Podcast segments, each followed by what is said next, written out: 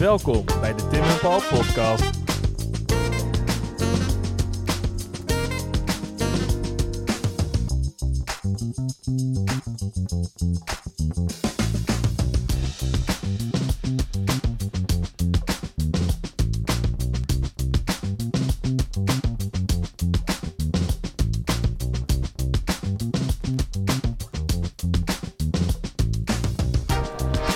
Ik hoor hier net iemand eh, een verhaal vertellen over de hertog van Alva en de bloedraad. Ja, Dan moet jij maar eens even vertellen waar wij zitten. we zitten op de Dam, waar het altijd gaat over Alfa en de bloedraad. Maar eh, ik wil het eigenlijk met jou hebben over eh, Michiel de Ruiter. Waarom doen we dat hier, Paul? Waarom doen we dat buiten? Want nou, we- ik weet toevallig dat we een aantal afleveringetjes hiervan hebben opgenomen in de Nieuwe Kerk. ja, klopt. En ik denk, als je dan toch in de Nieuwe Kerk bent, kan je het net zo goed over de Ruiter hebben. Ja, Alleen het vervelende was, we konden daar niet bij. Want er was iets anders aan de hand, namelijk de World Press foto. dus ga jij nu vertellen dat misschien wel onze grootste eh, zeeheld werd ingebouwd door tijdelijke foto's van World Press? Ja, Oké. ja, ja eh, tot eh, ja, enorme schande en met tranen in mijn ogen zit ik hier met jou op de Dam mijn verlies te verwerken. Dat we niet naar het praalgraf van de Ruiter hebben kunnen, kunnen kijken. Het imposante graf van, eh, van de Ruiter.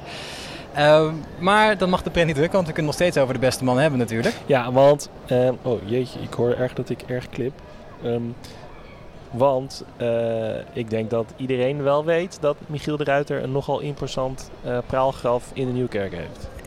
Ik weet niet of iedereen het weet of Michiel eh, de Ruiter een eh, praalgraf heeft in de Nieuwe Kerk. Ik denk wel dat de meeste mensen op de hoogte zijn van zijn naam. Er is in, bijna in elke, elke stad eh, is wel een de Ruiterlaan, de Ruiterweg eh, of iets. Er is, weet je wel, er is een haalgeslagmerk wat niks te maken heeft met de Ruiter, maar er wordt wel, weet je wel, er zijn wel verwijzingen naar en het is eigenlijk, er is ook een film over, over hem uitgekomen natuurlijk. Dus mensen weten wel van zijn eh, bestaan af. Maar ik denk dat het ook wel goed is om even te, te kijken van ja, wat heeft die man nou eigenlijk gedaan? Want Nou, als ik, jij... vind, ei- ik wil je heel even onderbreken, Paul. Ja, Het allerbelangrijkste vind ik de vraag: keep or cancel. Daar komen we zo op terug.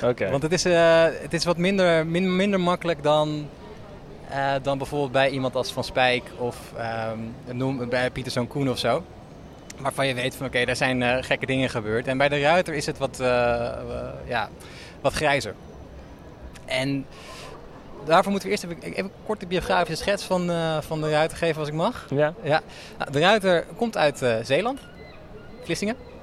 En eh, ging al vrij vroeg ging hij, eh, ging hij de zee op. Uitvaren. Ging hij uitvaren, wat op zich niet ongebruikelijk was. Maar ja, hij is nog, nog geen admiraal natuurlijk, want hij was acht. En eh, hij gaat varen. En in de koopvaardij, hij is een tijdje walvisjager bijvoorbeeld geweest. Hij heeft in Dublin gewoond, sprak vloeiend Engels. wat op zich best, best opmerkelijk was. En in het Nederlands was hij amper te verstaan. Onder andere vanwege zijn zware Zeeuwse accent. Maar in het Engels kon hij zich heel goed, eh, ehm, ja, kon hij heel goed duidelijk maken wat hij wilde. En dat komt later heel erg handig uit. Want hij is natuurlijk, zijn grote claim to fame, dat zijn de Engelse oorlogen geweest. En met name de tweede en de derde Engelse oorlogen zijn, eh, zijn belangrijk geweest voor zijn carrière. Maar hij was dan eigenlijk al met pensioen. Dus hij had zijn geld verdiend eh, met de koopvaardij. En hij heeft een aantal, hij heeft gehandeld op de, de Noord-Afrikaanse kust bijvoorbeeld. En hij, heeft, hij heeft zijn geld mee verdiend. Hij ging met zijn familie op wat nu de Prins Hendrikade is, maar toen de binnenkant ging hij, eh, ging hij wonen. En in zijn huis, het is nu een hotel. Eh, maar dat kijkt keurig uit op het Scheepvaartmuseum en de rest van de, van de havenkom. Dus hij woonde keurig bij, eh, in de buurt waar hij, waar hij moest zijn.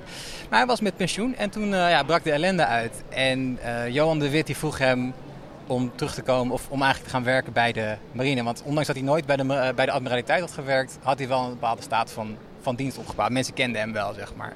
Op dat moment was er ook nog enigszins crisis in Nederland. Er was natuurlijk oorlog, maar je hebt allerlei verschillende facties. eh, De Orangisten en de staatsgezinde eh, partij. Eh, en al die admiralen die hadden ook allemaal mening over bij wie ze dan wel en niet moesten zijn. Dus iemand als eh Tromp bijvoorbeeld, ja, die was van Oranje. Dus dat wilde Johan de Wit natuurlijk niet als staats, staatslid. Wilde natuurlijk niet dat, dat Tromp eh, die rol ging krijgen. Dus er was heel veel schipperen.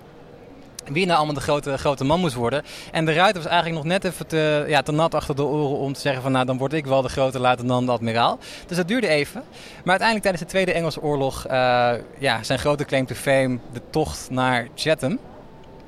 Waar ze voor, eh, eh, ja, met vrij weinig tegenslag de boel in de as leggen. Ja, en toch eigenlijk, ze varen gewoon de soort van Engelse Amstel op en varen gewoon naar het centrum van uh, de marine van Engeland. De, de, de Engelse, de Britse marinebasis en wordt volledig in de as gelegd. En er gaan een aantal schepen worden mee teruggenomen, onder andere de Royal Charles. En dat is uh, het schip vernoemd naar de koning op dat moment, Karel. Ja. En dat wordt mee teruggenomen naar, uh, naar Amsterdam en dat wordt nooit meer teruggegeven. Maar Paul, ja. breng me nou nog even naar dat standbeeld toe. Ja.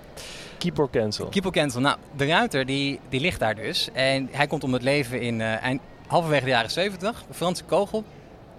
Um, hij bloedt leeg en uh, een week later uh, overlijdt. Hij wordt terug, teruggebracht naar Nederland en onderweg, de route naartoe, wordt er al op allerlei manieren een soort van eerbetoon gegeven. Aan de Franse kust, er is gesneuveld door een Franse kogel. Aan de Franse kust worden er kanonnen geplaatst om een, een eresalve te geven als hij langskomt. Dus deze man heeft behoorlijk wat status.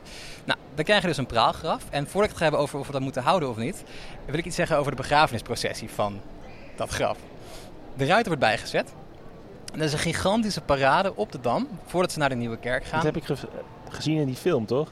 Dat is ook in de film. En dat is, ja, die film, daar moeten we het maar even niet over hebben, denk ik. Vrij uh, mm, ja, slecht. Um, maar wat er gebeurt, die, enorme begrafenisprocessie. En er is één heel vervelend verhaal daarbij. Dat er was iemand bij in die processie die het harnas van de ruiter droeg. En die man die moet urenlang lopen in dat harnas. Het was bloedheet. En die overleeft de dag niet. dus er is iemand anders, een andere dode te, te betreuren, helaas. Goed, de ruiter wordt bijgezet. En nu, 350 jaar later, kunnen wij er nog steeds naar, uh, naar kijken. En af en toe zie je er ook uh, Hongaarse vlaggen bij. En dat, dat brengt me op het volgende: van waarom moeten we hem nou houden of juist niet?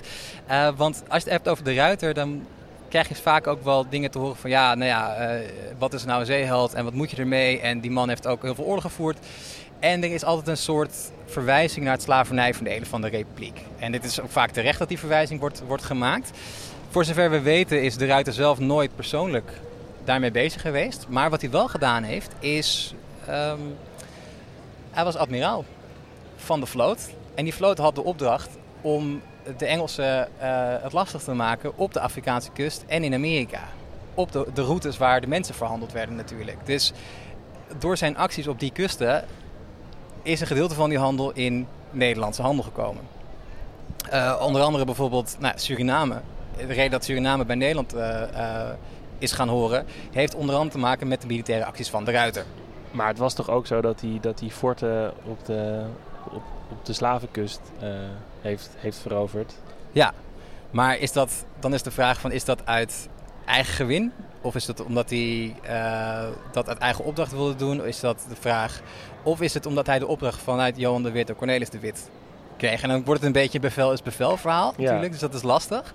Maar ja, dat, dat maakt het wat moeilijker. Maar goed, moet je dan elke admiraal of elke legerleider die een opdracht krijgt om iets te doen daar verantwoordelijk voor? En dat is een beetje de vraag. En als je daar op die vraag zegt, ja, dat, dat moet je doen, dan moet je dat cancelen.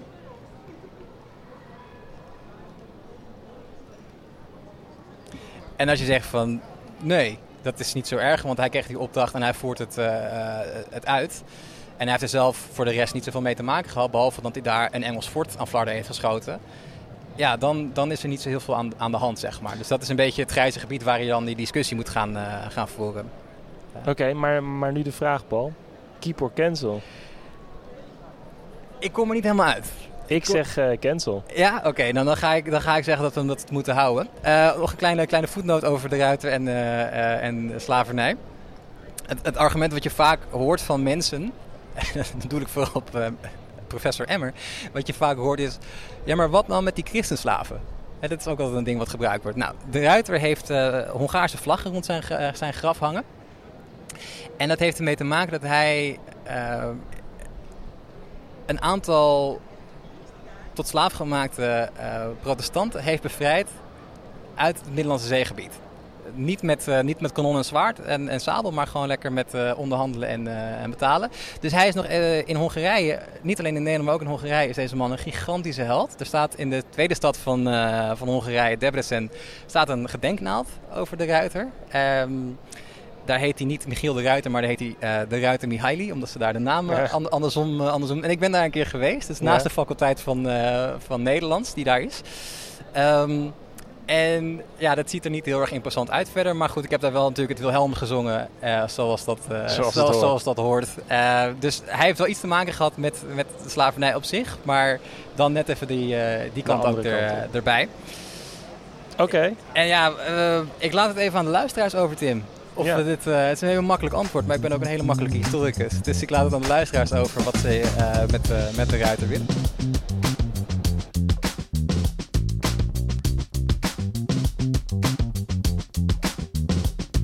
Vond jij dit nou een interessant verhaal en wil je meer over geschiedenis weten? Hou dan onze Instagram in de gaten. We zouden het ook heel leuk vinden als je een recensie achterlaat. Vijf sterren, mag gewoon. En heb je nou een vet idee waar we het over kunnen hebben? Slide dan in onze DM's. Durf gewoon te vragen. Tot de volgende. Groetjes thuis.